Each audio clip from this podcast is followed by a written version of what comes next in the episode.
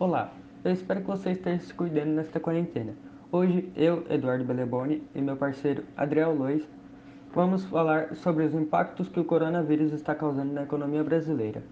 Bom, como todos sabemos, o coronavírus parou o mundo e, com isso, parou a economia também.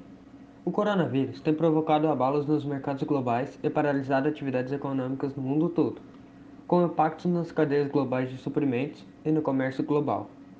Para vários economistas e observadores, o choque econômico já é maior do que a crise financeira de 2008 e a economia global já entrou em recessão, devendo ser acompanhada por uma disparada do desemprego e sofrer anos até se recuperar das perdas e impactos da pandemia.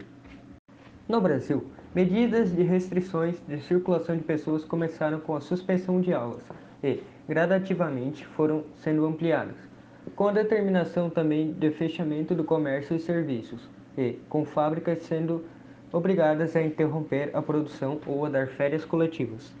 Bom, já que o repórter Eduardo já falou, agora é minha vez. Para diversos analistas, a economia global não irá desacelerar em 2020, como também vários países deverão entrar em recessão. Alguns economistas já falam que essa poderá ser a recessão mais violenta da história moderna, talvez pior que a Grande Depressão da década de 1930. De acordo com a agência Mods, os países do G20, os oito países mais ricos e influentes do mundo, sofrerão coletivamente uma contração de 0,5% do seu PIB, Produto Interno Bruto. Em 2020, nos Estados Unidos, ela será de menos 2%, e na Eurozona de menos 2,2% impacto na economia brasileira.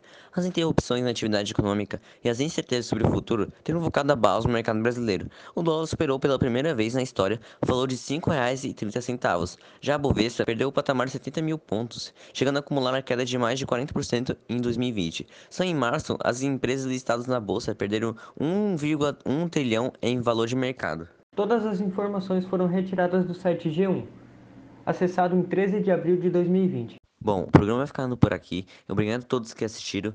Até a próxima. Valeu!